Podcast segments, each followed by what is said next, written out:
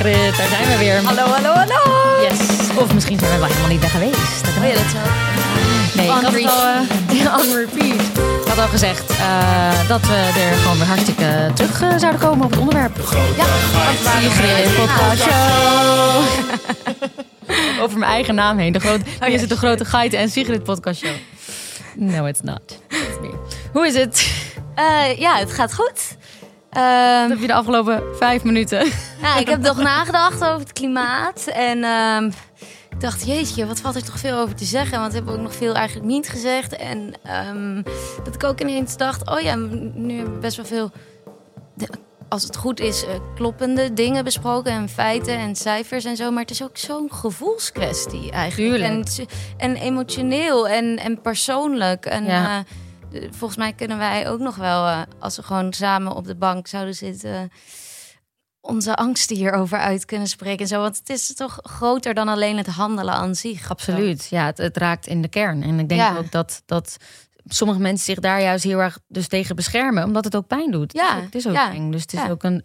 Het is eigenlijk heel dapper als je het durft aan te gaan. Dus eigenlijk wat, wat jij doet, vind ik heel dapper. Dat je Ja, maar ik was wel in die vorige aflevering echt verder de materie ingedoken dan ehm, wat ik voorheen had gedaan eigenlijk. Omdat ik meestal juist wil, vooral wilde kijken, oké, wat kan ik doen om dit te redden? Want ik, ik, ben, ik wil niet horen hoe, hoe erg het echt gesteld is met de zaak. Maar eh, dus laat ik vooral kijken naar hoe, hoe we het nog kunnen veranderen.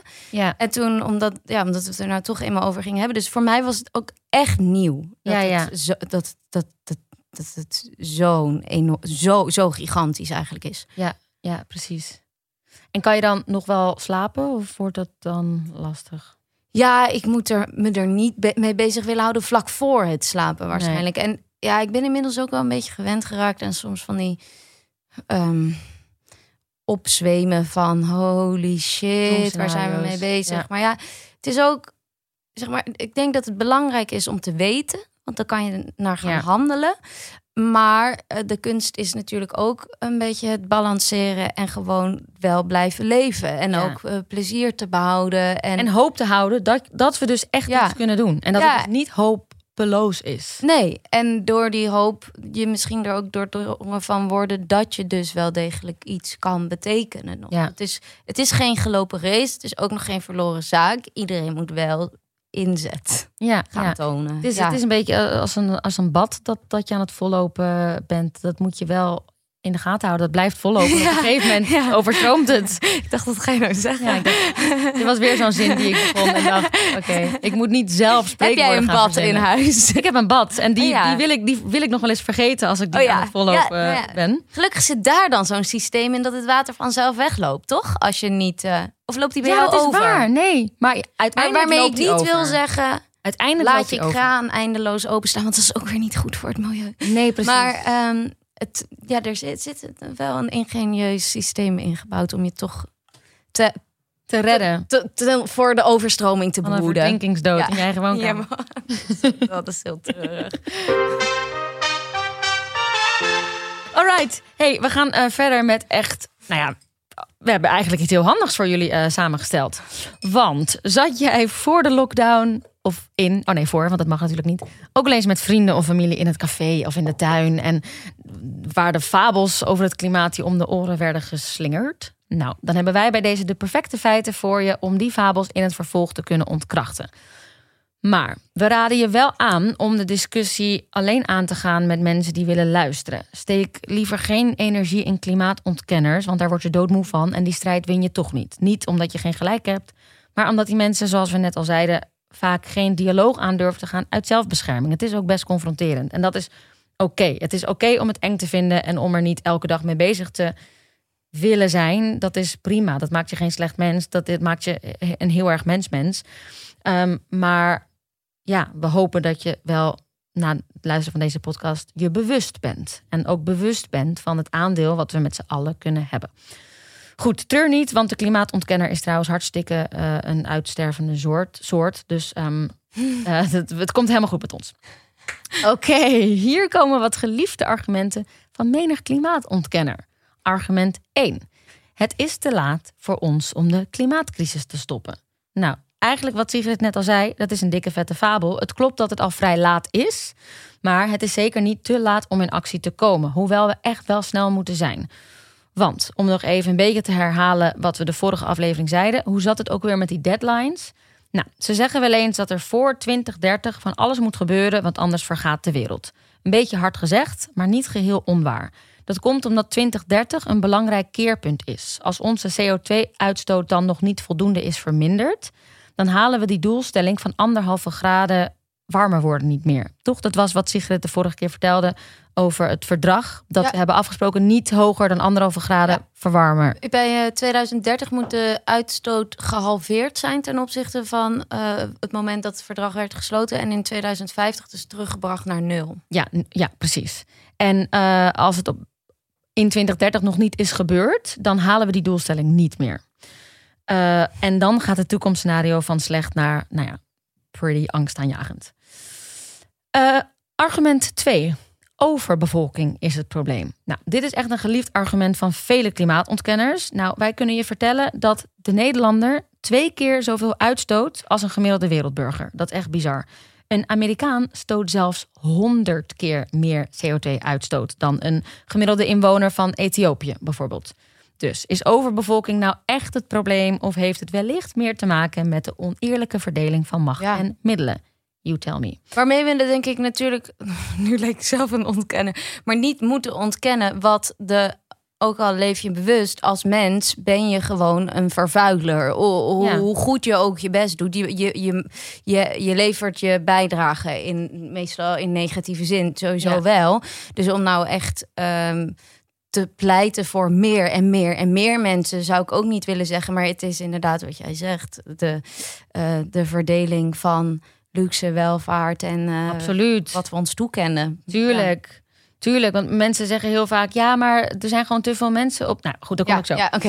Ehm, eh, dus om klimaatverandering tegen te gaan... hoeven we dus niet de overbevolking tegen te gaan... maar onze wereldeconomie anders in te richten. We verspillen nu een derde van ons voedsel... creëren bergen afval, vervuilen de lucht... en bedreigen leefgebieden, en bedreigen leefgebieden van dieren. Als we zuinig omgaan met wat de aarde ons geeft... is het voor 10 miljard mensen mogelijk om comfortabel te leven. Dat is 3 miljard meer mensen dan er nu op de planeet leven. Dus blijft je botte vriend of vriendin zich dan toch vasthouden aan zijn of haar argument? Vraag dan eens wat hem zijn of haar oplossingen zouden zijn tegen overbevolking. Want vaak komt er dan niet echt een goed antwoord. Ook een interessant feit, vond ik, is dat experts zeggen dat het beste is wat je kunt doen om overbevolking tegen te gaan, is om vrouwen meer vrijheid en zekerheid te geven. Investeer in onderwijs, gezondheidszorg, vrouwenrechten en dus seksuele rechten. Als je wil dat er niet baby's gemaakt, eh, Ja. niet meer baby's gemaakt moeten worden, dan zijn er heel veel vrouwen die er baat bij hebben als ze meer seksuele rechten krijgen. Ja. Wat natuurlijk in heel veel landen niet zo niet, is. niet zo is. Of als meer vrouwen zouden gaan werken, de kans zouden krijgen om te gaan werken, dan hebben ze ook niet altijd om vanaf hun zestiende kinderen te gaan Nee, baren. ja. En dan ontdekken ze ineens dat ze andere dingen in het leven leuk vinden... in plaats van dat gangbaar uitgestippelde Exact. levenspad. Waarom worden er over het algemeen in Scandinavië en in Nederland best weinig mensen geboren per gezin? Is omdat wij landen zijn waarin het over het algemeen man en vrouw eh, ja, werken. ja. Nou, dus dat. Dus zeg dat maar tegen je oom of tante die zegt dat de wereld te vol is. Eh, argument drie. De aarde warmt al op sinds de ijstijd, dus dit hoort zo te gaan. Nou, kijk, dat is. Ja, oké. Het klimaat is altijd een beetje aan verandering onderhevig. Alleen verandert het klimaat nu sneller dan ooit door menselijk toedoen. Precies wat Sigrid de vorige, vorige aflevering al had gezegd. De aarde, het weer, dieren en planten hebben amper tijd om zich aan te passen. De snelheid waarmee het klimaat nu verandert, kent nauwelijks historische voorbeelden. De, het, het- wat nog het dichtst in de buurt komt, is de vijfde massale uitstervingsgolf. Dat is voor ons ook de meest bekende, die wij beter kennen als de uitstervingsgolf van de dinosauriërs. Dat komt dus nog het dichtst in de buurt. Dat ging namelijk ook razendsnel. Doordat er 65 miljoen jaar geleden een dikke vette komeet insloeg op de plek waar nu de golf van Mexico ligt. Waardoor de aarde in korte tijd 5 graden warmer werd. Dus dat ging nog sneller dan nu eigenlijk. Maar ja, eh, dat is niet goed afgelopen. Dus Nee. neem er een voorbeeld aan. De aarde werd in korte tijd 5 graden warmer. De lucht werd dusdanig vervuild en verduisterd, waardoor er geen licht meer scheen.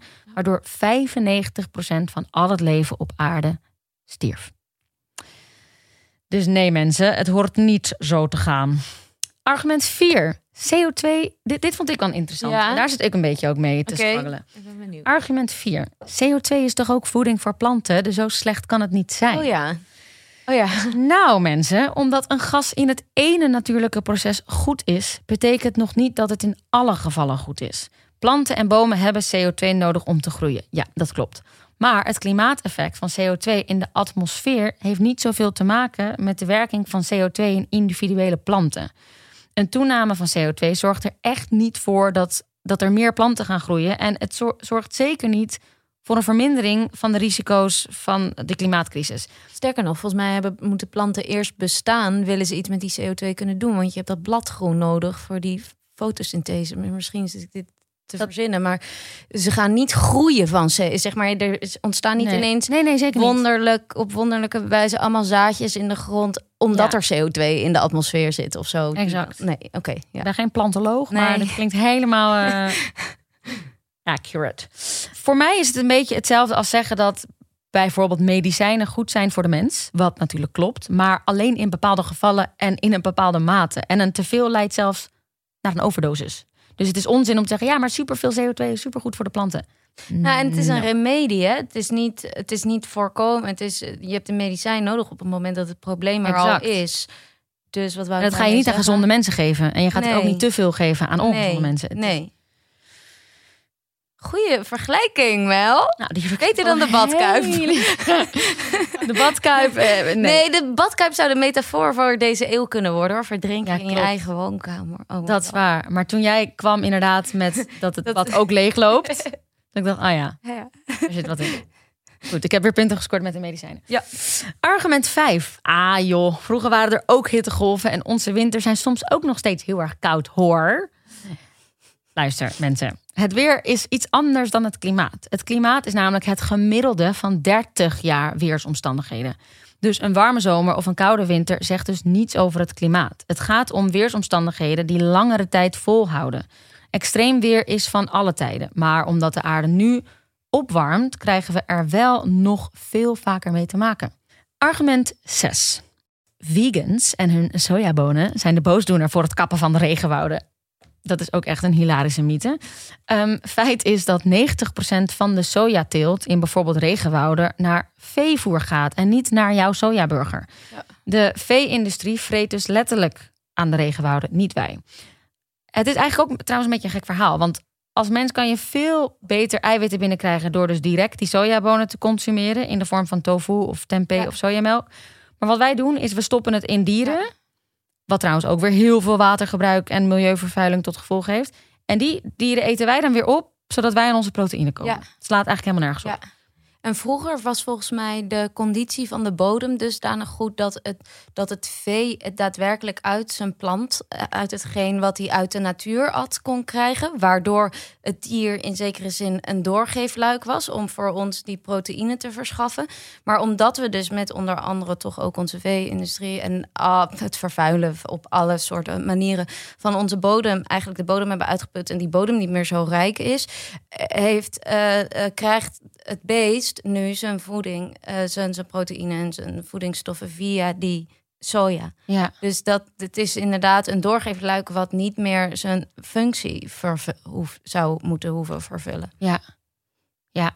Dit is wel ehm, navertellen van iets wat ik al wel een tijdje terug heb gehoord. Dus ik hoop dat ik op de juiste manier heb verwoord. Zeker. En sowieso trouwens, wat we er ook altijd bij zeggen in onze podcast, nu ook. Ja, het is wel Eh, goed om te vermelden. Nou, kijk, wij doen natuurlijk heel erg ons, ons best en we halen informatie overal vandaan. Maar wij eh, claimen niet dat we, dat we het bij het volledige eh, juiste eind hebben. Ik bedoel, slide vooral in onze DM als je iets hebt opgemerkt waarvan je denkt, dit klopt niet helemaal. Of Niet te boos, alsjeblieft. Niet- niet- Oh, ben ik zo gevoelig voor. Nee, nee. Geen, geen, discussies voeren over. Als je een klimaatontkenner bent, dan, dan, dan hopen we dat je al Nee, lang ik, ben heel, ik, ben heel, ik ben heel benieuwd. Maar, want, want echt, mensen weten veel en doen natuurlijk ook veel onderzoek. Maar gewoon dit, ik, ik word altijd een beetje bang van. Je wordt vaak toon. aangevallen, ja. Ja, van de toon word ik bang. Ja, dus niet Sigrid aanvallen in de DM. Het is een heel lief Chill. meisje en die doet heel erg haar best om de wereld te redden. Thanks wel. Jongen, jongen. Nee, maar de, heel vaak dan, dan vragen we de mensen wel om ons te wijzen op onwaarheden. Of als je gewoon Ja. hoort van, nou, dit is echt, je zit zo uit je nek te lullen. Dus doe dat vooral. Mhm. Want inderdaad, wij zijn geen wetenschappers. En Nee. ehm, wij hebben gewoon overal onze informatie vandaan gehaald. En inderdaad, wat Sigrid zegt, het is ook gewoon praten vanuit gevoel. Dus eh, don't sh- shoot the messengers. Ehm, waar was ik? Ja, ik was bij vlees eten, wat eh, super slecht is voor het milieu. Eh, oh ja, wat jij ook nog zei. wat de vorige aflevering over methaan en stikstof en lachgas. Ja. Dat stoot veeteelt ook waanzinnig Ja, veel uit. Waardoor zeker. de aarde nog sneller opwarmt. Ja.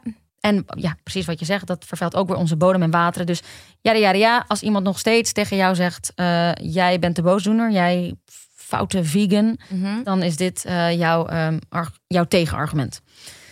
Argument 7. Duurzame energie kost banen. Nou, wat een lulkoek. De omslag naar een duurzame en economie levert juist meer banen op. Dat is ook niet zo gek. En heel erg logisch. Er zijn tenslotte installateurs nodig voor zonnepanelen en warmtepompen. En dat is nog maar het topje van de ijsberg. Uit voorspellingen blijkt dat we zelfs te weinig mensen hebben om alle duurzame vacatures te vullen. Kijk, natuurlijk verdwijnen er banen. Maar deze mensen zijn heel goed te begeleiden naar een andere baan, naar een nieuwe baan. En daar zijn ook weer heel veel organisaties en instanties voor. Om bijvoorbeeld nou ja, mensen die in de, in de kolenmijnen werkten en die, niet zo, die nu zonder werk zitten, om die weer te begeleiden naar een nieuwe baan. Dus dat is heel erg goed dat het allemaal gebeurt. Dus het is niet waar dat het banen kost. Het levert juist banen op. Goed, argument 8. We hebben er 10 trouwens in totaal. Oké, ja. Ik zit Ehm, eh, aandachtig te luisteren. Als Nederland kunnen wij toch niet zoveel doen voor de hele wereld? Elke ton broeikasgassen die wij niet de lucht inpompen, telt. Nederland is dan wel een klein land, maar heeft de zeventiende grootste economie ter wereld en levert dus zeker een bijdrage. En wat Sigrid ook al vertelde de vorige aflevering, politiek-wise, feit is dat Nederland lange tijd onderaan de lijst bungelde van Europese landen die investeren in en opwekken van duurzame energie. We lopen dus helemaal niet voor mensen, zoals sommigen van ons denken. Dankzij het klimaatakkoord zijn we wel met een inhaalslag bezig, dat wel. Intussen weten de meeste landen dat vergroening noodzakelijk is. Dus denk ik, als je dan toch weet dat we de groene kant op gaan, kan je maar beter nu snel investeren. Overheid. Dus precies wat Sigrid vorige keer vertelde over al die dijken en die landbouwgronden en steden op pootjes en al die onzin. Denk ik, joh, investeer gewoon in, in groene vergroening. Maar ja, hè, wie ben ik? Ehm, argument 9. Als het echt zo erg was allemaal, dan had de overheid al lang iets gedaan. Nou ja, ik ga weer, ik, Mhm. ik borduur weer verder op wat ik net zei. En wat Sigrid zei. Eh, de regering bestaat helaas voornamelijk uit ja, politici die de klimaatcrisis behandelen als een van de vele dossiers waar ze mee moeten dealen. Ze erkennen de problemen, maar doen tegenover ons alsof alles onder controle is. In Amerika noemen ze deze mensen geen climate deniers, maar climate delayers. Als je als politicus werkelijk de wetenschap volgt, zet je nu in op een totale verbouwing van ons economisch systeem. Een stevige prijs op CO2, een verbod op milieuvervuilende producenten, een eerlijke belasting op vliegreizen en schepen en een verbod op houtkap. Gebeurt dat? En, en, en, en dat gebeurt gewoon niet. Dat gebeurt gewoon simpelweg nog niet. Dus vertrouwen op de goodwill van politici is niet genoeg. We moeten samen verandering afdwingen. Argument 10. Laatste argument. Klimaatverandering is een hoax. Een verdienmodel voor subsidieslurpers als Greenpeace. Sowieso heeft de website van Greenpeace mij ontzettend geholpen bij al deze argumenten. Dus neem alsjeblieft een, eh, een kijkje op die website en een shout-out naar hun mega fijne website. Ehm, nog een keer. Klima klimaatverandering is een hoax. Dat is onzin, want het mag niet eens. Je mag jezelf niet naar buiten brengen als non-profit organisatie en vervolgens lekker lopen cashen van al die goedwillende donateurs en supporters. Want als je heel redelijk denkt, denk je dat zulke grote organisaties zoals Greenpeace en het WNF niet onder de loep liggen? Deze organisaties en met hun Oh ja, en ook, sorry, sorry. Ja, maar ja. ook alle, al, het, gewoon het hele politieke systeem wat ons vertegenwoordigt, komt samen met die 195, 194 andere landen om op wereldniveau, op bestuursniveau over een klimaatcrisis te praten. Dus dan zouden ze allemaal wel super dom moeten zijn als ze het hebben over een niet bestaand probleem. Ja. Waarom zouden ze dan allemaal samenkomen? Inderdaad. Of zo, ja. Uit 195 landen. Ja. Allemaal in Parijs. Wat een organisatie moet het Ja. zijn. Ja, klopt. Ehm, dus ja, dus deze organisaties en met hun vele andere, er zijn er echt veel meer. Ik noem nu gewoon de twee grootste. Ze verrichten al jaren hartstikke goed werk. En tuurlijk, nu heb je altijd mensen die zeggen: ja, oké, maar ze verdienen toch ook geld? Ja, natuurlijk krijgen ze ook geld. Ze moeten tenslotte blijven bestaan. En al die mensen moeten ook gewoon betaald krijgen voor het harde werk wat ze verrichten. En als je het mij persoonlijk vraagt, vind ik dat die mensen, net als mensen in het onderwijs en in de zorg, juist heel goed betaald moeten krijgen. Ah ja, het is sowieso een ingewikkeld verhaal volgens mij als je als, ehm, als, je, eh, als eh, onderneming. Eh, onderneming zegt eigenlijk al, het is een, een, een, een, een is een bedrijf. vorm van werken die geld moet verdienen om te kunnen bestaan en om te kunnen groeien en om zich blijvend te kunnen blijven inzetten voor hetgeen wat hij, zij, hen, eh, zij denken dat goed is. Ja. Ehm, maar dat als je een duurzaam, eh duurzaam eh, agendaplan hebt of zo als bedrijf, of je bent een, een, een starter, donateurs, of, of ja. je inderdaad, of je bent een stichting, dat je dan, ik weet trouwens niet wat de officiële, laten we stichting er even buiten houden, want ik weet niet hoe dat zit qua verdiensten. Maar dat als je eh, je in wil zetten voor iets goed en daarmee geld verdient, daar, dan op het moment dat je er geld mee gaat verdienen, worden de mensen er een beetje prikkelbaar Ja. van. Terwijl het systeem. Heel vaak worden mensen niet zelf rijk van Nee. dat ze geld verdienen, maar kunnen ze door investeren in onderzoek of in. Ehm, dus we hoeven niet zo afstraffend te zijn volgens mij op mensen Nee. die wel geld verdienen En vanwege de goede logisch. zaak, maar daardoor zich blijvend kunnen inzetten voor de goede zaak. Dus Tuurlijk. En die mensen moeten toch gewoon goed betaald krijgen. Ze redden de wereld. Wij doen het niet. Nou ja, jij wel. Ik nu een beetje door deze podcast. Maar ik weet niet eens of ze. Ik, want wat, jij had het over. Wie, wie zou er heel veel betaald door krijgen? Nou ja, niet heel veel. Maar Nee. je hebt toch vaak mensen die zeggen... Oh ja. Oh ja, maar de directeur van eh, werk voor wat rijdt in een. eh, ja, maar je mag dus wel geld verdienen als je een vervuilend bedrijf Klopt. bent en je zou geen geld mogen verdienen. En die bedragen zijn niet met elkaar te vergelijken, Nee. volgens mij. Hè? Ik bedoel, eh, kleine ondernemingen versus grote vervuilers. Zeker. En Ja, ik denk ik- dat de directeur van zoiets als Shell echt in een goede bak rijdt. Dus Daarom. Oké, ja. Als we dan toch auto's gaan vergelijken. Enough said. Enough said. Goed, nog een shout-out naar hun. Ga echt eens naar hun websites van het WNF, Greenpeace, maar ook bijvoorbeeld Natuurmonumenten. En lees daar wat voor goed ze allemaal doen en hoe jij zou kunnen meehelpen. Mm. Speaking of meehelpen, Sieg. Jij staat er inmiddels vrij goed onbekend je veel in te zetten voor het klimaat en milieu. Vandaar ook dit onderwerp voor de podcast. Ehm, niet alleen omdat je veel leest, post en actie voert, maar ook bijvoorbeeld omdat je veganistisch eet, tweedehands shopt, et cetera. Eh, zou je ons nu verder kunnen vertellen wat je ons kan aanraden om te doen? Ehm, wat je de luisteraars kan aanraden om te doen? Want iedereen zit nu natuurlijk hartstikke op het puntje van zijn Ja, activistische iedereen stoel. iets doen. En kan niet wachten om de wereld te redden.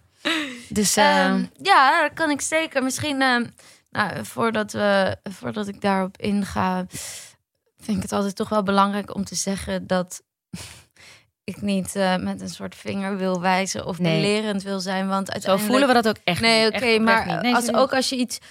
Kijk, ook al zet je je ergens voor in... Ik maak altijd de kanttekening van... ja, ik voel me er goed bij, hè? Want ik ben bang voor de teleurgang van de wereld. Dus ik wil alles op alles zetten om dat proberen tegen te gaan. Dus het feit dat ik eh, zogenaamd goede dingen doe... doe ik ook natuurlijk nog steeds deels voor mezelf. Om, dus het is niet Maar wat ik net ehm, zei, een soort eh, ik- Theresa-gehalte of zo. Nee, maar, nee, dat, ja. dat voel ik ook echt niet bij jou. Wat ik juist heel erg altijd, wat ik net al zei, ik vind het oprecht heel erg dapper. Ik merk aan mezelf dat ik wel meer struisvogel kan zijn soms. En als Mhm. er een heftig bericht komt over inderdaad, nou ja, stel dat zou ik op het nieuws zien van die, van die eh, zeestijging van 50 meter, zou ik wegzeppen. Ja, ik denk, ja. oh, Ja, snap ik ook. dus Ja. dan vind ik het heel dapper als jij dat wel durft aan te gaan en wel durft te lezen en mensen daar bewust van eh, wilt maken. Dus Ja. ik vind dat. Maar ik vind dat ook, ook nog steeds heel... Volgens mij hebben we het woord eng en doodeng... en, en angstaanjagend zo vaak gebruikt in deze twee afleveringen. Maar ik vind het dus ook nog we heel gaan er ook eng... allemaal geluiden onder Ja. monteren. Een soort horrorshow.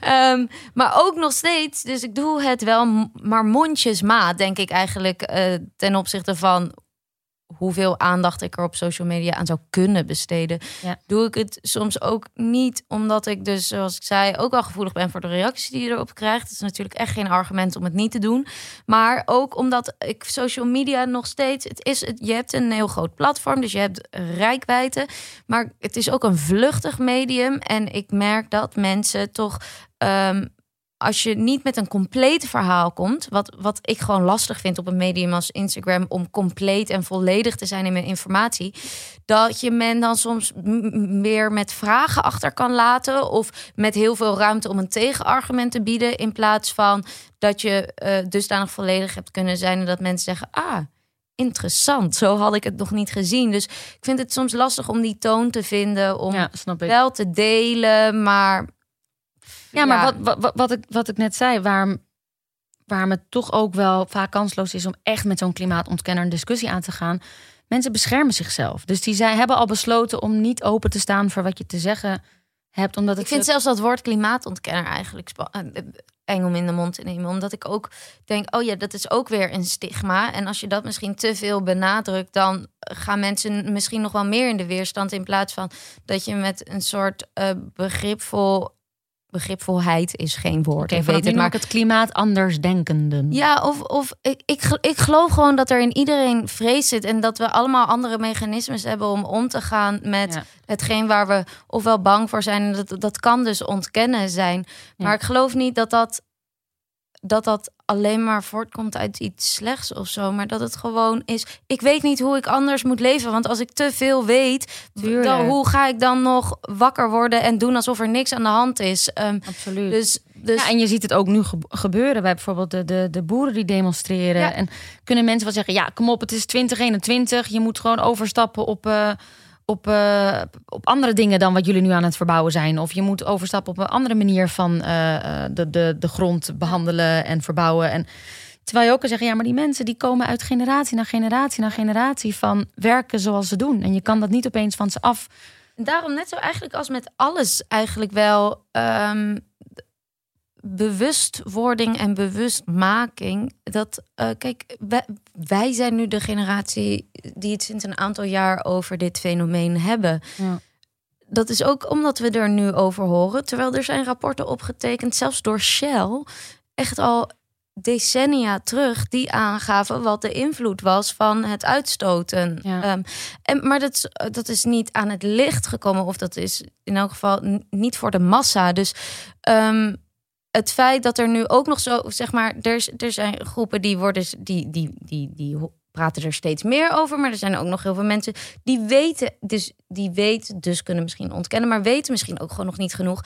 Het is nog niet gangbaar. Het, is, het behoort nog niet tot een curriculum op een basisschool of op een middelbare school om het hier voldoende over te hebben, waardoor het een soort gemeengoed wordt. Ja. En we allemaal een mening misschien kunnen gaan delen op den duur. Ehm, dus ik denk ook dat, het, dat, het, dat we ook nog steeds gewoon ons in een fase bevinden waarin ehm, de- waar, dat er geen algemene consensus kan bestaan, omdat je, het ook nog heel erg aan de individu wordt overgelaten om je in te lezen in iets. En het is nog niet, eh, we worden nog niet van bovenaf nou zo enorm voorzien van informatie. Nee, nee, je moet het echt nog allemaal willen opzoeken. ja.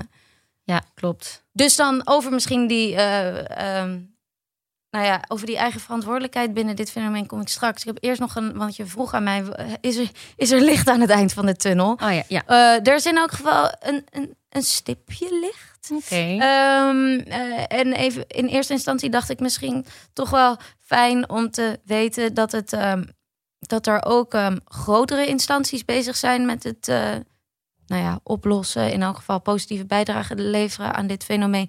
In plaats van dat we het allemaal zelf moeten doen. Er zijn namelijk ehm, ehm, een aantal eh, wetenschappers met eh, goede ideeën. Ehm, kijk, feit is energiebesparing en een overstap naar duurzamere, nee, gewoon duurzame energiebronnen. Dat is sowieso nodig. Dat, dat staat vast. Maar dat gaat momenteel niet snel genoeg. En ehm, het, dat, dat, dat zou je als iets negatiefs kunnen bestempelen, dat het niet snel genoeg gaat. Maar waarschijnlijk eh, valt er een, een positieve bijzin aan te knopen. Namelijk dat er waarschijnlijk voor die overgangsperiode, waarin we langzaamaan overstappen op duurzame energie, et cetera, een tussenoplossing is gevonden. En dat is eh, de opslag van CO2. Ehm, en ehm, de, in de natuur bestaat dat eigenlijk al. Bijvoorbeeld in, nou ja, dan ga ik bijna weer richting iets negatiefs. Maar ehm, de, in Rusland eh, heb je de, is, de, is de bodem eigenlijk altijd bevroren geweest. En daarin Ja. zit bijvoorbeeld heel veel methaan. eh, en ook andere gassen opgeslagen. Het negatieve hieraan is dat door de opwarming van de aarde men ook weer bang is dat als die bodem ontdooit, dat er dan in één keer een gigantische hoeveelheid methaan ook weer vrijkomt. Ja. Eh, maar eh, zo, zo, zo bestaat het dus om eh, gassen op te slaan in aardlagen. En ehm, dat, dat, dat kan ook door de, door de mens worden bewerkstelligd. Ehm, die die oplag, eh, plaatsen, opslagplaatsen, die zijn dus, dat zijn dus doorgaans aardlagen die van nature afgesloten zijn. En die liggen meer dan duizend meter onder land of, of onder de zeebodem. En ehm, CO2 kan daarin worden geïnjecteerd in die lagen via speciale leidingen. En die lagen worden daarna hermetisch afgesloten. Dus dat is best wel ehm, voor. Nou ja, ik, ik, ik, ik werd daar wel eh, iets vrolijker gestemd van Ja. in elk geval. En dan ehm, zijn er natuurlijk allemaal vragen over de veiligheid en zo. Maar daar, dat, dat zou, als het goed is, allemaal heel goed moeten worden eh hanteerd. En Ja. men weet hoe dat moet. Ehm, dan is er eh, eh, nog een eh, positief eh, lichtpunt. En dat is namelijk dat er. ehm, kijk, er is eh, op zich bekend dat algen CO2 eten en die omzetten in zuurstof. Eh, alleen, dus, dus algenteelt, dat leek, dat leek een soort geniale oplossing te zijn Ja. voor het probleem. Alleen eh, was dat tot voor kort in elk geval gigantisch duur. Ja. Niet te betalen. En dan krijg je weer het politieke. Waar, waar, waar wil het geld naartoe? Waar wil men het geld aan uitgeven? Nou, blijkbaar nog niet aan dit. Maar er is dus een bedrijf die eh, zeggen dat ze het vijf keer goedkoper kunnen realiseren dan eh, voorheen werd gedacht. Dus dat eh, zijn twee grote wetenschappelijke bijdragen in Ah. elk geval. En eh, na de wetenschappelijke bijdragen kunnen we wel overstappen op wat we zelf kunnen doen. Zeker. Ja, wat kunnen we allemaal doen? Nou, er is best wel wat. Ehm, nou, je noemde het natuurlijk net al even het minder, of het liefst in elk geval geen vlees meer eten. Nee, nee.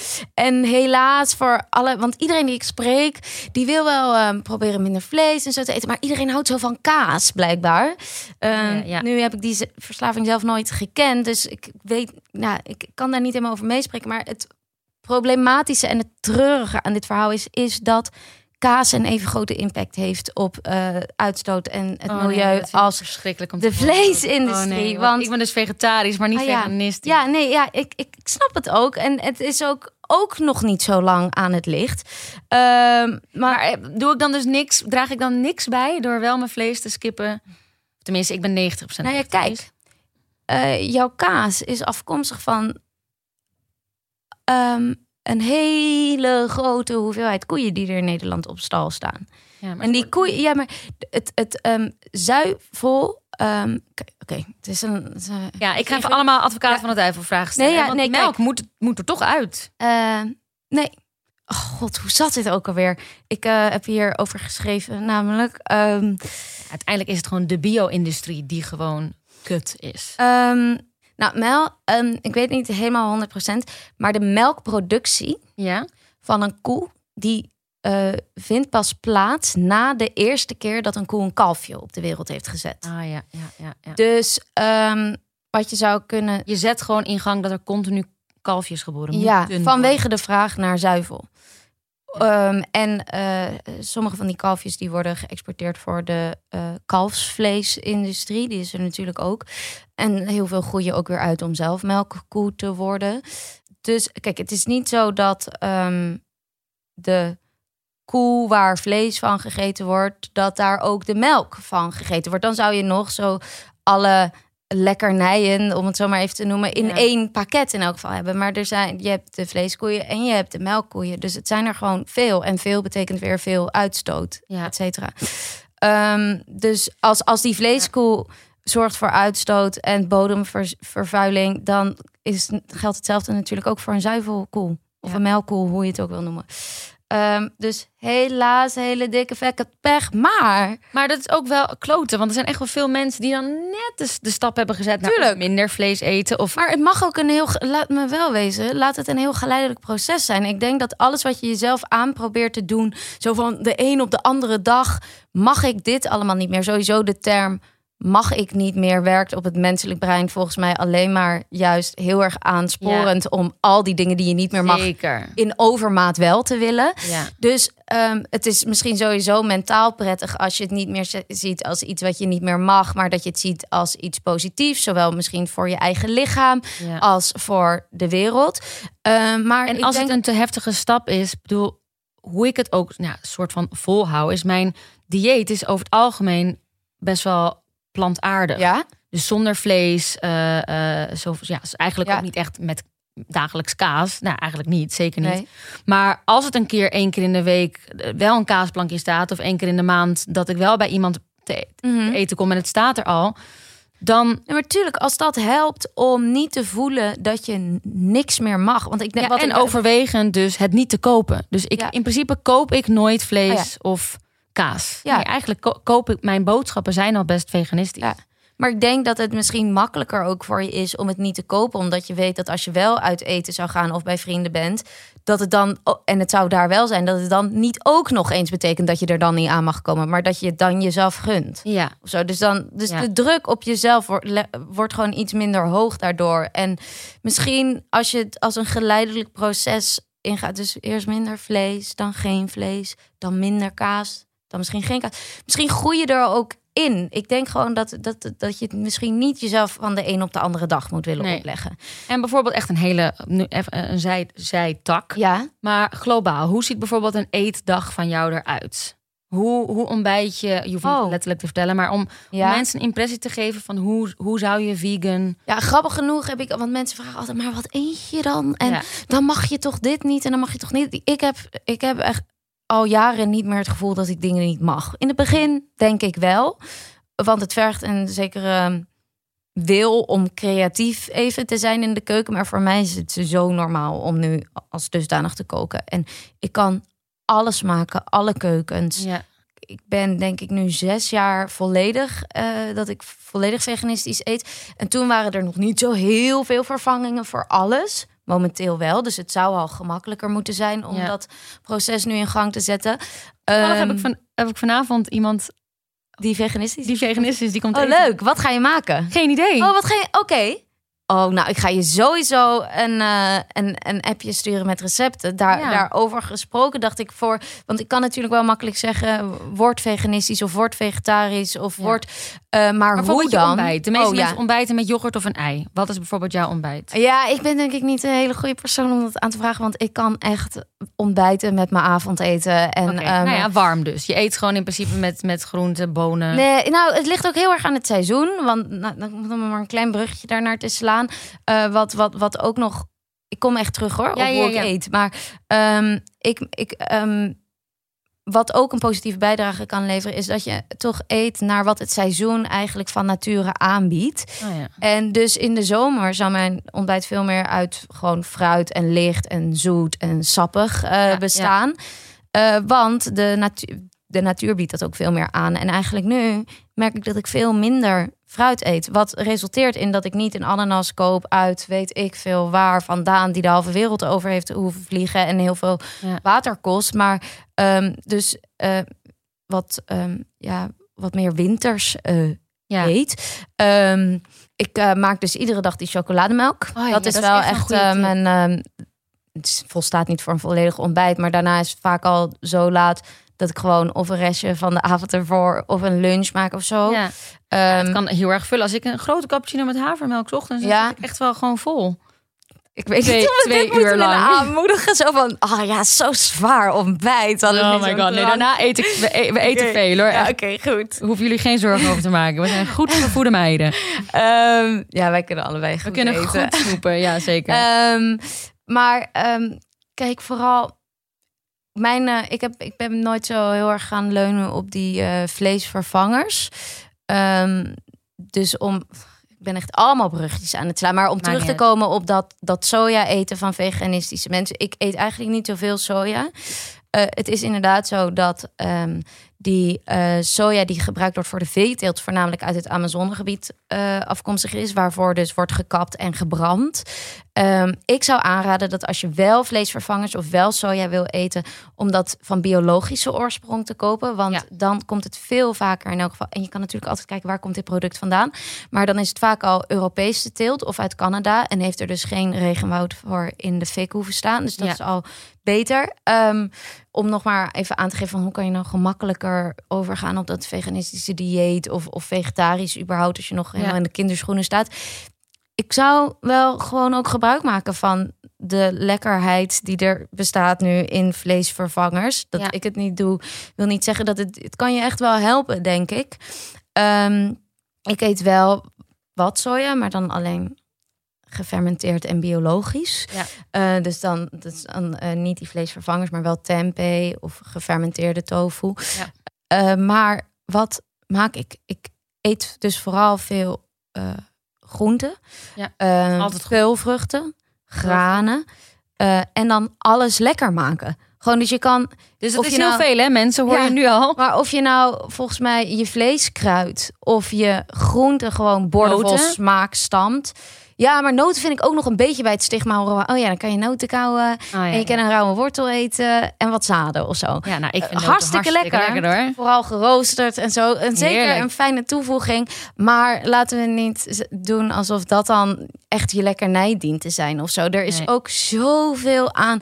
Nu wil ik niet iedereen aanmoedigen om zichzelf dan weer helemaal vol te stouwen met suiker of zo. Doen. Maar oké, nou, er zijn zo. Wisten jullie dat Oreo koekjes vegan waren, jongens? Al Echt? echt, echt al sinds het bestaan van het Oreo koekje is het vegan. Hou op. Dat Ja. moeten ze veel meer marketen op Ja, dat hebben ze nooit gedaan. Het was de originele receptuur. Het was niet nodig, maar, Maar dat is geen melk? wel. Nee, Ertussen- wat is dat dan? geen idee, maar het is het echt vegan. Hou op. Ja. En maar zo bestaat er natuurlijk nu steeds meer. Je kan je Vegan je, Magnums ja, heb ik laatst gegeten. Je magnums, je koekjes, je koekjes, je taartjes, je dingen, eh, whatever. Yoghurt bestaat inmiddels ook in allerlei varianten. Kokosyoghurt, van cashewnoten, van amandel, van wel soja.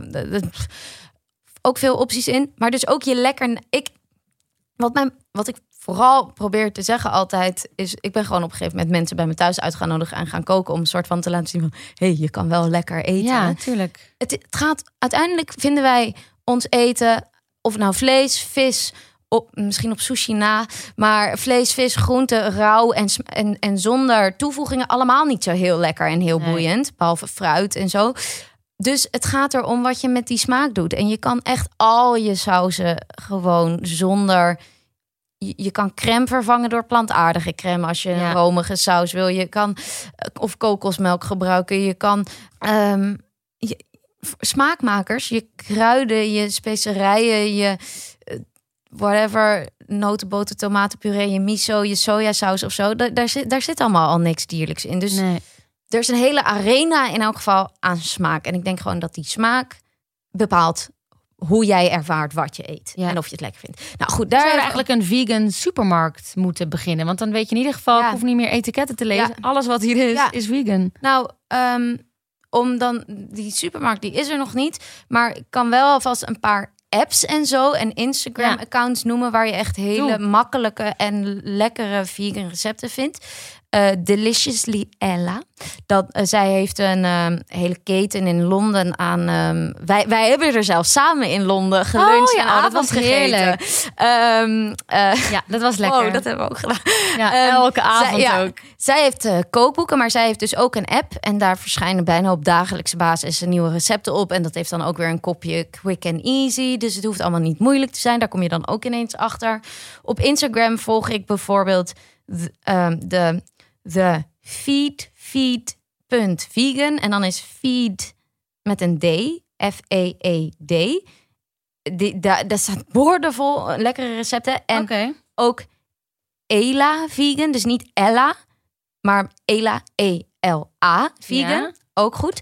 Ehm, ik ben eh, deze maand, eh, en misschien ook wel voor de rest van het jaar, eh, veggie ambassadeur van de Veggie Challenge. En daar kan je je gewoon voor opgeven zelf. Zij hebben ook een app. En daarin word je eigenlijk gecoacht. Ja. Ehm, en er worden maaltijden aangeboden. En er staat precies hoeveel water je bespaart. Omdat je dat stukje vlees niet hebt gegeten. Er Oh. staat precies hoeveel minder je uitstoot door voor een plantaardige maaltijd te kiezen. En zij bieden verschillende trajecten aan voor eh, vegetarisch, veganistisch of eh, de ene dag vegetarisch en de andere dag veganistisch. Ehm, Goed, hoe heet die app? ehm, ik denk gewoon de Veggie Challenge. Oké, de Veggie Challenge. Ja, en ehm, dus, dus dat. ik zou even. Kijk, nog. We hebben het nu ineens alsof het de normaalste zaak van de wereld is over vegan eten. Eh, maar daarin moet je, zou je dan dus ook nog je visjes moeten laten liggen. En zoals we eigenlijk al een beetje hoorden, door die overbevissing in de vorige aflevering althans, gaan die koraalriffen ook dood. Ja. Dus eh, ook je vis, terwijl dat lijkt met minder uitstoot en zo gepaard te gaan, eh, de visvangst is gewoon heel schadelijk voor Ja. de oceaan. En wij zijn echt afhankelijk van de oceaan. Want uiteindelijk is het de oceaan die dus ons van de meeste zuurstof voorziet. Ja. Ehm, en wat er bijvoorbeeld gebeurt bij dat, bij dat, eh, bij dat vissen, ehm, wat vooral heel schadelijk is, is ehm, stel je zou echt met je hengeltje zelf één vis vangen, dan is er misschien nog niet zoveel aan de hand. Maar wat er bijvoorbeeld gebeurt bij de garnalenvangst, is dat ze gigantische netten uithangen in de zee. Daar komen heel veel vissen in terecht Ja. en ook wat garnalen. En wat er gebeurt is dat ehm, al die vissen die gewoon nog vrolijk hadden door kunnen zwemmen, of dan op zijn minst geconsumeerd hadden kunnen worden, niet worden geconsumeerd. Ja. Dus die gaan eigenlijk voor niks dood, alleen voor die mensen en eh, Ja. die garnalen eh, willen eten.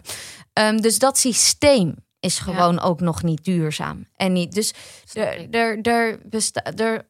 Met de loop van de tijd ontstaat er vast ook iets van een, een duurzaam vangsysteem, waardoor het misschien weer minder schadelijk wordt. Maar voor nu is het ehm, Ja. lastig. Nou, En heb ik, heb ik ook wel meteen een goede Ja? tip. Want nu hoor ik ook mensen meteen denken... helemaal vis is supergoed Voor je. En je hebt omega-3 nodig. Ja. Ja. Ja.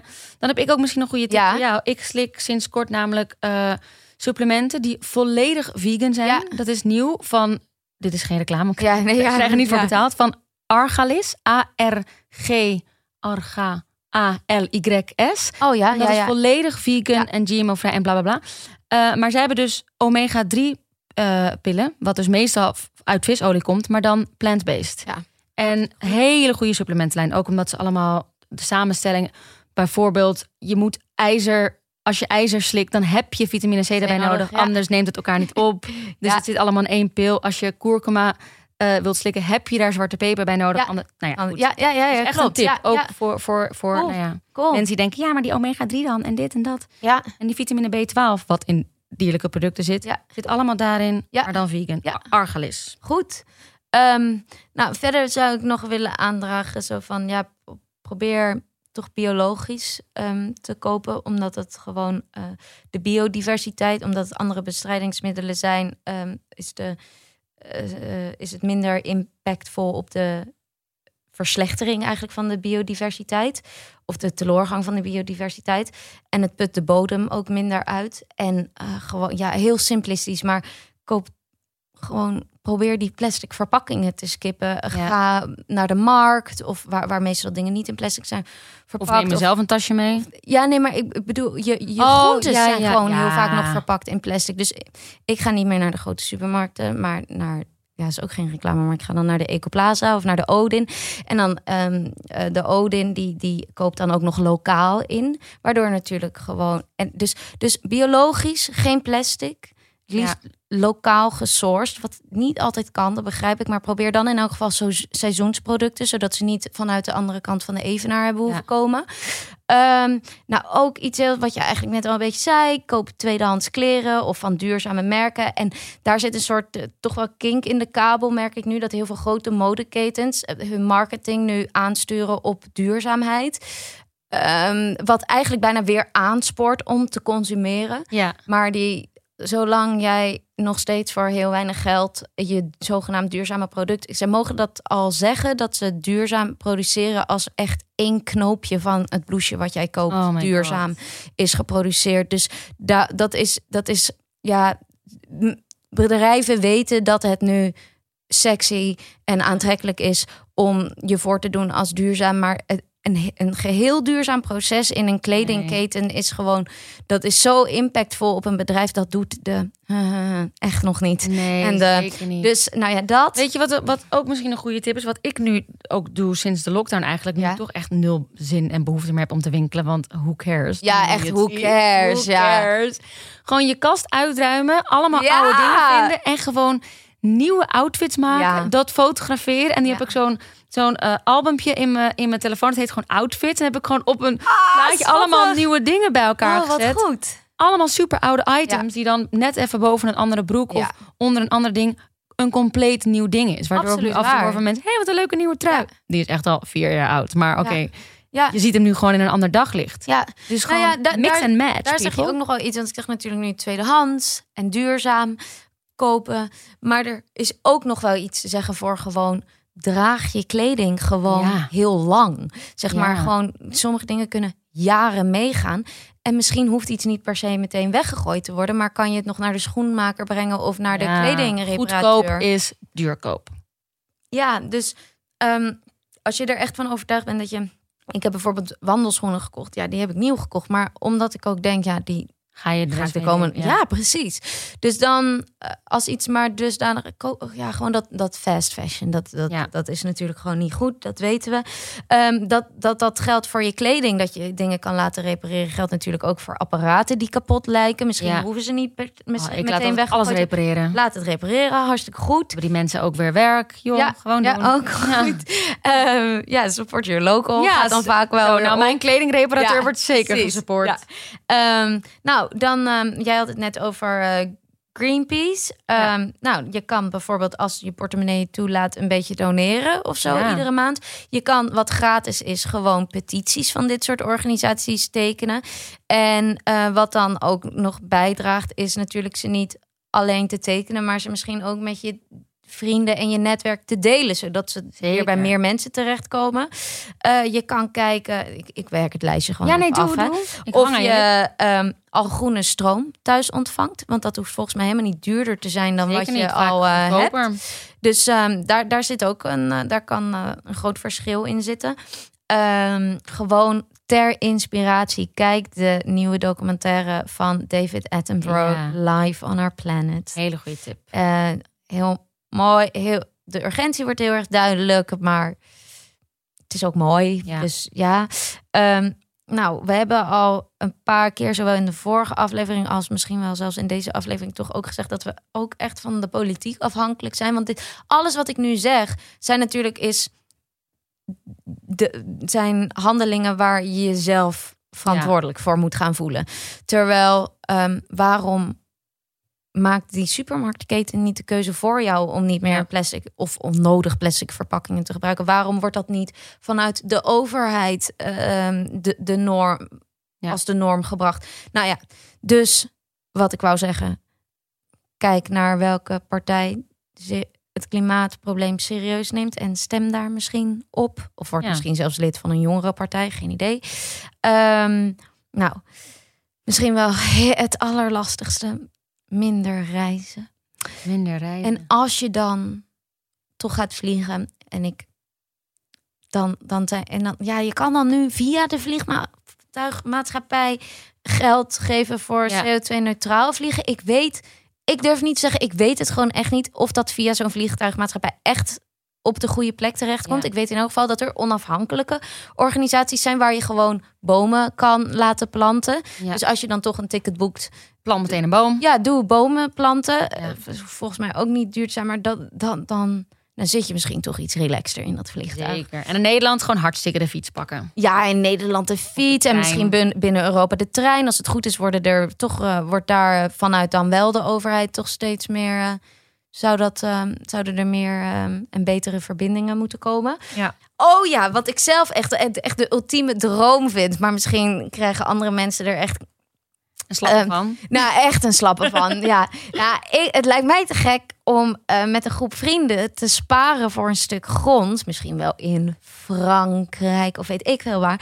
En daar met z'n allen te gaan wonen. En dan een hele grote moestuin aan te leggen. Zodat je hebt- zelfvoorzienend wordt. Je hebt nu van eh, die, die dorpen die langzaam Ja. paddenstoeltjes uit de grond Sorry, springen. maar dat, ja, mij lijkt Ja, het dat is echt, echt jouw heel vet als al mijn vrienden meegaan. Hè? Want ik In heb wel... Zijn ze dat nu aan het bouwen. Ik weet niet hoe het heet. Oh, in Nederland. Amersfoort, volgens mij iets met de Tree of La... La- nee, dat, nee, voordat ik verkeerde dingen ga zeggen. In Amersfoort. Ja, een zelfvoorzienend oké. dorp. Ik denk als je dat googelt. Ik weet dat ze nu dat aan het openen zijn. Ik dat wil je wel heel graag met mijn vrienden. Nou, dan moet je al je vrienden mee naar Amersfoort Oké, nemen. nou ja, in elk geval, misschien wordt het dus wel een nieuwe manier van leven. En hoef je Ja. geen ehm, ehm, niet in te binden op je sociale leven, maar word je wel gewoon minder afhankelijk van de keten waar we zo in vastgeroest zijn, de Ja. supply chain. Oh ja, wat ik nog wilde zeggen, maar dat was eigenlijk meer als een klein beetje een grapje. Van iedereen is nu toch zo van dat ijszwemmen en zo aan het doen. Ja, wat Je kan ook dat? gewoon Die koud hype. douchen in plaats van warm. Verschilt ook al. Oh, en ook een goede tip. Niet je tanden poetsen onder de douche. Want dan blijf je dus echt vijf à tien minuten langer Oh douchen. ja, nee, doe maar niet. Wat ik dan wel weer las, was bij iemand dat als je één keer per week of zo plast onder de douche, dat dat alweer heel veel water scheelt, omdat je niet doorspoelt. Oh, nou dan, dan Dat spaar ik jaar. elke ochtend wel. Ik weet dat van jou. Ja, dat heb je een keer gezegd. Wie plast er nou niet onder de douche? La, la, Hier gaan we een andere aflevering. Ja, eh, misschien moeten we een hele aflevering doen over plassen onder de douche. Ja. Eh, nou, en dan had ik nog, dus ja, tek een dikke trui Dit aan. en- Jade Olieberg trouwens. Ja, precies. Daar, daar had ik het van. Ja, ik had het gezien. Ja. Eh, een, een dikke trui, pantoffels, in plaats van alleen maar keihard stoken. En als het echt tot je mogelijkheden behoort, kijk gewoon in hoeverre je je huis misschien kan ver- vergroenen met ofwel zonnepanelen of in elk geval dubbel glas of eh bla bla bla bla bla. Maar Ja. daar komen het, dat begrijp ik, daar komen echt wel flinke kosten ook bij kijken. Maar toch. Misschien is het, geldt daar wel hetzelfde voor. Goedkoop is duurkoop. Dus als Ja. je daarin investeert, Ja, ook voor jezelf. Dan, bespaar, je bespaart er zoveel. uiteindelijk bespaar je. Zeker. Ja. ja. Ja, en kruiken. Kruiken is ook een goede. Oh ja, oh, ook knus. Ja, leuk. Super knus. En Ja. dat maakt je echt warm. Want ik heb ook de neiging om die verwarming op te draaien. Ja. Terwijl ik denk, het gaat me eigenlijk puur om die koude handen en die voeten. Ja, En nu los ik dat gewoon op met kruiken. goeie. Ja, goeie. Ja. Dit was mijn lijst van goede dingen die je kan doen. Wat, wat, wa- als je even naar jezelf... Wat, Oh wat, wat, doe nou, je? ik zat, ik zat toevallig te denken net. Kijk, nu in de lockdown-tijd, alle horeca's dicht. Maar wat Ja. iedereen nu wel doet, is coffee to go. Ja, oh, Dus de- ik moest opeens denken, ja. want ik maak mezelf ook zeker schuldig aan een dagelijkse coffee to go. Same. Maar hoe en nu? Al die plastic deksels en je en- kan en eh, van bamboe... ehm, Maar dat bieden ze niet aan. Dus dan zou ik eigenlijk naar mijn vaste de koffietent moeten gaan. Company kan je... Want daar, daar eh, ben ik ook wel... sponsor us. Ja, oh my god. Ehm, daar kan je ze kopen. Eh, die zijn wel van plastic. Ehm, maar dus Maar er herbruikbaar. Ho- honderdduizend keer herbruikbaar. Net Ja. zoals je dopper, zeg maar. Ehm, maar dan dus voor je koffie to go in verschillende maten. En je hebt ze ook van bamboe. Ja. Ehm, dus die, eh, dat is zeker een goede aanschaf voor nu. Want iedereen loopt. Ja, we Ja. gooien veel meer Ja. bekertjes weg. Die zijn inmiddels wel van papier, maar dat. De, de, de deksels niet. Dan zou ik eigenlijk Oh mijn die- vaste tent moeten gaan en zeggen... yo, ik heb mijn eigen meeneembeker. Mag ik die dan... Tuurlijk, maar dat mag. Dat mag. Je mag ook als je je eten af gaat halen, je eigen containertje meenemen, je Tupperware doos. Ja. Dat kan echt. Ja. Maar dan moet je het wel afhalen en dan moet je het even zeggen. Veel, vaak zijn ze er zelfs blij mee. Ja, inderdaad. Nee, dat kan. Oké, goeie. Ja, nee, wat, wat, wat ik doe... ehm, even kijken. Ja, wat doe ik? Ik heb al jaren een dopper. Dus plastic flesjes doe, doe Ja. ik eh, niet meer. Overigens eh, is die lobby wel gewonnen over de plastic flesjes. Dat daar statiegeld op wordt. eh, oh ja. Zodat ze nu misschien iets minder als eh, zwerfafval rond zullen zwerven. En eh, ze zijn nu ook bezig om dat ook op blikjes te krijgen. Ja, omdat het extra even schadelijk eigenlijk is als eh, dat plastic. En dat, om dat in diezelfde campagne mee te Ja. pakken. Goeie, goeie. Nee, ja, wat ik doe qua dieet is... eh, ik, ja, wat ik zeg, ik koop nooit vlees. Nu moet ik wel zeggen dat als ik ergens ben of als het ergens staat... dat ik niet geheel... Ik ben niet 100% vegetarisch. Ik denk wel echt 95%. Ja. Ehm, dus mijn boodschappen zijn vrij veganistisch. Ik, ik, heb, ik fiets alles. Ik heb geen auto. Scheid je je afval? Eh, ik, ik scheid mijn afval met eigenlijk alleen papier, glas en biologisch dan? En plastic? Nee. Oh ja, Ja, nou, dat ik, kunnen ik ben dus zo'n doemdenker die eens een keer heeft gehoord. Ja, maar ze gaan het toch allemaal op één, eh, één berg gooien. Dat, Dus dat is ook heel verwarrend. Eh, en er is bijna geen pijl op te trekken, want alle gemeentes verschillen in beleid daarover. Ehm, en er veran het verandert ook heel veel. Ja. Maar ehm, in onze buurt, eh, we zeggen niet waar we wonen, maar, ehm, kan je dus, als er eigenlijk dus die containers staan, Ja. plastic, bla bla bla, kan je wel uitgaan van dat dat toch ehm, voordelig is in elk geval om het wel te scheiden. Het enige lastige is aan weer zelf de verantwoordelijkheid moeten dragen voor het scheiden, is dat het heel dat wij soms denken dat een gebroken wijnglas in de glasbak mag en dat ehm, een chipzak misschien wel bij het plastic mag, geen idee, of Ja. dat een theezakje. Nou, er is dus hebben studenten van ik weet niet meer wie, wat en waar een, eh, een wegwerpwijzer opgesteld en dan kan je echt letterlijk invoeren verpakking van ongeveer op merknaam Oh, specifiek En en dan zeggen ze waar het moet. Ah, dat is een hele goeie. Ik zal het even Dat opzoeken in de goeie. tussentijd dat jij vertelt over wat voor goede dingen je nog allemaal doet. Nou ja, wat, ik shop best wel wat tweedehands ook. Ja, En ehm, ja, ik ben sowieso niet echt een, eh, een, een, een, hoe noem je dat? Een consumerend. Nee. hè? Een, een, Je een, bent ook meer van de ervaring. ja, ik ben weer van de ervaring. Ik ben niet echt een veelvuldige con- consumerende persoon. Mhm. Dus ik ben niet van het. Ik, ja, het is eh, gek om te zeggen dat ik niet materialistisch ben, maar dat ben ik ook gewoon echt niet. Nee. Ik ben gewoon niet van de spullen kopen, van de kleding kopen, van de make-up kopen. Ik heb dat niet in me. Ehm, Nee. Ik ben inderdaad meer van de dingen doen. En ehm, Dat heb ik ook. het, het, het, het uit- uitstapjes maken, etentjes, reisjes. En tuurlijk, ik wil er wel altijd leuk en verzorgd uitzien. Maar dat doe ik dan op mijn manier. Zonder dat ik Ja, altijd de nieuwe collectie van eh, deze make Voor jou bepaalt hoe je er... Het is natuurlijk leuk en verzorgd en dat je er zelf goed in voelt. Allah. Maar niet... Je hebt niet zoveel te bewijzen Nee. aan de hand van je kleding... en dat het nieuw Nee. is of dat het volgens Zeker de mode Sterker is. nog, ik vind het heel vervelend als mijn kledingkast te vol is. Oh ja, ik ook. Dus Ja. ik koop vaak letterlijk niet omdat ik denk, het is al te vol. En alles wat er nu in de kast zit, draag ik. Ja. En eh, doe jij ook eh, je kleding... Verkoop jij ook nog Ja, weer als je ja. het te vol Ik vindt? koop Ja. het ook, dus, dus ik Dan gooi het het ook weer een nooit tweede weg. leven. Precies, ik koop het dan via Vinted. Ja.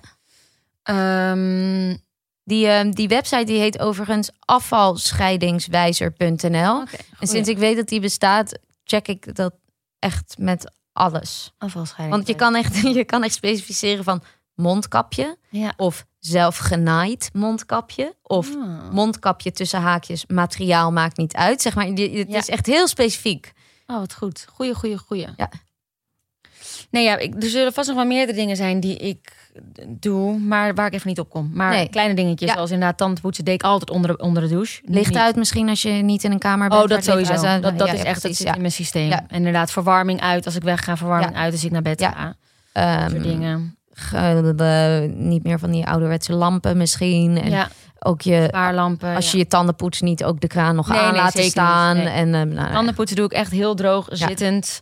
Soort van als, als een eh, heel depressief mensje zo op de rand van mijn bad, Bad. tanden poetsen. Voor me uitstaren, de dag overdenken. Ja. Ehm, dus dat eigenlijk. Nou, moet het dan goed komen? Het komt sowieso vertrouwen in. We hebben er vertrouwen Oh, in. mensen. Hey, zie, we gaan het even afsluiten met een Ja. heel snel, snel leuk lijstje. Oh, Oké. Ehm, want eh, eh, ja, dit, dit was trouwens, jongens, de, de, twee afleveringen over het klimaat en het milieu en het veganisme. En ik hoop eh, heel erg eh, dat jullie daar heel veel van hebben geleerd. Ja. Om dat even af te sluiten. Maar om de aflevering af te sluiten. Heel veel luisteraars houden van eh, tips. We krijgen altijd echt DM's van Oké. nog meer tips. Gooi tips op ons, gooi tips op ons. Dus, Sieg, je beste boekentip. Oké. Ehm, ehm, ik heb laatst ehm, mm, Max, Misha en het TED-offensief gelezen. Het is een gigantisch dikke pil. Ehm, qua omvang en ook misschien wel qua soort boek enigszins vergelijkbaar met eh, Een Klein Leven. Ja. Voor de mensen die daarvan houden. Eh, dus die is, eh, ja, Max, Misha en het TED-offensief. Het is, het is echt een prachtig boek. Het gaat... ehm, het, het, het vertelt het verhaal over drie levens, vrienden, liefde, schrijnend, maar ook eh, kunst speelt een grote rol in hun leven. Maar het is vooral ehm, ja, ik, ik hou toch van dat, dat ik ook kan verdwijnen in een boek. En dat het niet dusdanig moeilijk is dat ik ehm, alleen maar mijn hoofd breek over de zinnen. Maar vooral ook dat het me ergens anders heen voert. En dat doet Ja. dit boek heel goed. En eh, nog zo'n dik boek wat ik dan nu aan het lezen ben. Ook weer enigszins soortgelijk. Is het boek 4321. Oké. En eh, ik weet even niet hoe de schrijver heet. Die, dat is van Paul Auster. En ehm, dat is ook een mooi boek. Ik ben er nog in bezig, dus ik Nou, kan niet precies. We hebben alweer twee boekentips Ja. eh, ontvangen. Ja. Eh, je beste filmtip.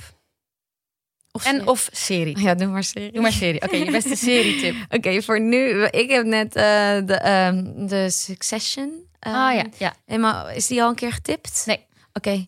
ehm, de, Wel de Golden Globe gewonnen. Ja, beste serie. Ja, en daar moet ook nog, nog een vervolgseizoen van komen. Maar het is zo geniaal. Het, het is echt zo weird, zeg maar. Acteurs acteren echt schaamteloos. Dat je vooral als je als acteur er denk ik naar kijkt... dat je echt denkt, holy moly, deze karakters gewoon zo vet. De dialogen, de tekst is gewoon zo scherpzinnig en vervreemdend soms ook. En mooi gefilmd. Ja, gewoon heel cool. Ehm, Big Little Lies. Ah, ja. Ja, Is die wel getipt? Ja, die hebben we denk ik wel eens Oké, en dan, hoe heet die? Of nou, weet ik niet. Stel, we hebben dat niet getipt. Dat is ook Oh, ja. een van Gaites favoriete series. en die van mij. ja. Ja. met eh, Reese Witherspoon en Nicole Kidman en Meryl, Meryl Streep. Streep. Hallo, cast. Oké, Ja. dus nou, die moet je ook kijken. Ja, echt he- heel vet. wel Ehm, onhandig, want echt alleen te kijken via Netflix, eh, HBO. HBO. Ja, maar. HBO is ook wel Ja, maar je moet in Nederland beste je moet in Nederland Ziggo hebben om HBO te kunnen kijken. Ja. Dat is gewoon onhandig. Oh ja, dat is onhandig. Ja, maar goed. Goed, je beste lockdown tip. Nou ja, hobby's Ja, dus, hobby's, denk ik. ja. Ehm, hobby's en wandelen. Hobby's Ehm, en wandelen. Ehm, nog heel specifiek. ehm, ja, en misschien toch ook wel, dat wil je niet verzanden in soort van ook loomheid. Dan toch aan de hand van die leuke dingen. Dus die, die, die niet voelen als moedjes, maar juist Ja. misschien als meer een beetje cadeautjes voor jezelf. Ehm, daarin structuur toch een beetje dan vinden. Oké, goeie. Eh, ehm, even kijken. Je beste podcast tip. Deze. Deze. Ehm, nee, ik heb met echt heel veel plezier. De allereerste podcast die ik luisterde was Bob. Dat is hoe ik kennis maakte met het Medium podcast in de lockdown. Want Oh ja. ik luister dus pas sinds dit jaar podcast. Ehm, ik hou best wel, maar daar zijn er veel van. Van ook wel van die true crime cold Ja. case dingen die nog opgelost moeten worden. Eh, maar wat ik ook, ja, maar die zijn denk ik echt allemaal al wel getipt. Eh, brand in het landhuis en Brand in Landhuis, niet getipt, maar wel heel vet. Heb ik ook geluisterd. oh en de branden de, de tapes, Ja, de... de Blankenbergen. Ah, de Blankenberg. Ook goed. Oh, en de- misschien wel. Oh, dan ga ik wel reclame maken. De podcast. Dus eh, de- de- waar ik dan zelf aan mee heb gewerkt. Staatsgeheimen. Oh, staatsgeheimen. Ehm, ja, Staatsgeheimen. staatsge Nou. he- staatsgeheim. Moet ik wel goed zeggen. Staatsgeheim. De podcast. Alright, eh, je beste gezondheids- of beauty tip. Gezondheids- of beauty tip? Nou, voor mij geldt gezondheid dus toch echt wel... ehm, gaat heel erg met wat er gewoon in je lichaam gaat. Dus kies je producten gewoon, je eten zorgvuldig uit. Ehm, en, ehm, Daardoor gaat je huid vanzelf stralen. Oh, nou ja, ik, ik ben wel voorzichtig met wat ik op mijn huid. Dus zeg maar, ik ben wel een beetje volgens het motto van als ik het niet kan eten, wil ik het misschien ook niet op mijn huid. Ja. Ik doe niet zoveel. Ik heb gewoon een dikke vette crème van. Mag ik dan het merk zeggen? We zeggen al zo van Ja, echt? deze aflevering. Ja, ik heb gewoon een crème van eh Weleda. En eh, die is gewoon dik en voedend en natuurlijk. En ehm, verder ben ik nog een beetje huiverig. Ik ben er gewoon nog niet over uit of wij nou tot de leeftijdsgroep behoren dat we al tegen de rimpels op moeten smeren. Ik, Volgens mij moet je dat al gewoon doen vanaf je 21ste. ik durf het niet, want ik ben Beter van weer voorkomen dan dat je, dat, je dat je huid daaraan gewend raakt en dat het dan niet eh, meer ehm, het zelf opvangt. Oh ja. Doe jij het dus wel? Wat doe ik qua crème? Ja, gewoon Jij doet kokosolie, toch vaak? ook. Ja, ik doe eigenlijk, daar heb ik het ook wel eens met Geit over gehad, elke avond een beetje iets anders. Oh, dus dan raakt je huid niet te gewend. Ja, maar dat niet zo bewust hoor. Maar inmiddels wel bewust. Ik heb allemaal verschillende dingetjes. En ik doe de ene avond doe ik inderdaad kokosolie. Dan doe ik, Hmm. dan doe ik wel eh, eh, iets van... Ik ben dus een beetje een struisvogel als het aankomt op beauty producten en wat goed zou zijn voor je huid. Omdat ik nu dan denk van nee, ik wil niet die Ja. dingen smeren met die spullen erin. Dus ga ik gewoon geloven dat het niet nodig is. En dan doe ik het niet of zo. Maar ik draag ook geen make-up, hè. Dus ik Ja, maak ja. gewoon schoon en ik eh, smeer er een cremmetje op. Ja. Oh, en zonnebrand. Ja. Daar lachte mijn tante me afgelopen weekend dus echt om uit. Dat ik op het strand was. En dat, maar het wel winter was, maar dat ik wel zon- zonnebrand om had. ja, nou ja, is niet heel gek. Nee, principe. ik denk het sommige niet. sommige eh, crèmes hebben zo'n filter al in hun... Ja, dat, dat is ook goed. Ja, Ja. de mijne heeft dat niet. Alright, en dan de laatste. Je beste, hoe word ik net zo'n goede actrice als Sigrid tip? Want eh, ik hoor nu ook aan mensen zeggen, allemaal leuk, dat klimaat en zo. Maar ik wil ook actrice worden, net als Sigrid. Oh, ja. Hoe word ik dan? Maar Mel, kan jij niet gewoon zeggen hoe je zo'n goede actrice wordt als Melody Klaver? Want dan heb ik daar zelf misschien nog iets aan. Ja, maar wij zouden dan heel saai gewoon zeggen dat ze naar school moeten gaan. Ja, nou dat is inderdaad wel een van de dingen die ik zou zeggen. Ik geloof wel inderdaad in het leren van het vak. Want ik zie, Ja. beschouw het ook echt als een vak waarin, je, waarin er heel veel te leren valt. En oefenen, heel veel, leren, bestuderen. Ja, en heel veel tools te vergaren en ook technisch. Maar wat ik denk ik ook wel, wat misschien wel gewoon van belang is. Ik weet niet of het waar is, hè? Maar toch een zekere interesse te hebben in gewoon hoe werkt de mens? Wat zijn de drijfveren van de mens? En waarom doet iemand wat hij doet? Want je krijgt toch vaak een script voorgeschoteld Ja. met een, een, met een personage op papier die daden verricht, die, die misschien niet tot jouw natuurlijke arsenaal behoren. Ja. En dat je dan, je moet wel begrip kunnen opbrengen voor dat die mensen die op papier staan afgebeeld. Zeker. Of zijn sowieso empathie naar de medemens is geen Ja. verkeerde kwaliteit. Empathie en een soort honger naar begrijpen. Ook al Ja. handelt iemand anders dan dat jij zou doen, toch waar komt dat dan in diegene vandaan? Dus toch een soort inzichtelijkheid in het functioneren van de mens. Ja. Dat, dat eh, die, een interesse daarin kan denk ik wel ehm, voordelig zijn. Vind ik een hele goeie Oké, om mee af te sluiten. oké. We gaan afsluiten. Zie, heel erg bedankt. Ik vond het echt heel leuk. En Oh, heel leuk. interessant en heel gezellig. En we zouden echt inderdaad uren Ja, kunnen doorlullen. Maar ik moet ja. nu echt heel nodig plassen. Oké. Dus we moeten afsluiten. Ja. Eh, kom vooral een keer terug. Oh ja, graag. En, ik vond het ook eh, heel leuk. Thanks. Dankjewel. Thanks, thanks. Oké mensen, Oké. eh, dankjewel. Tot de volgende keer. Dag. Joe.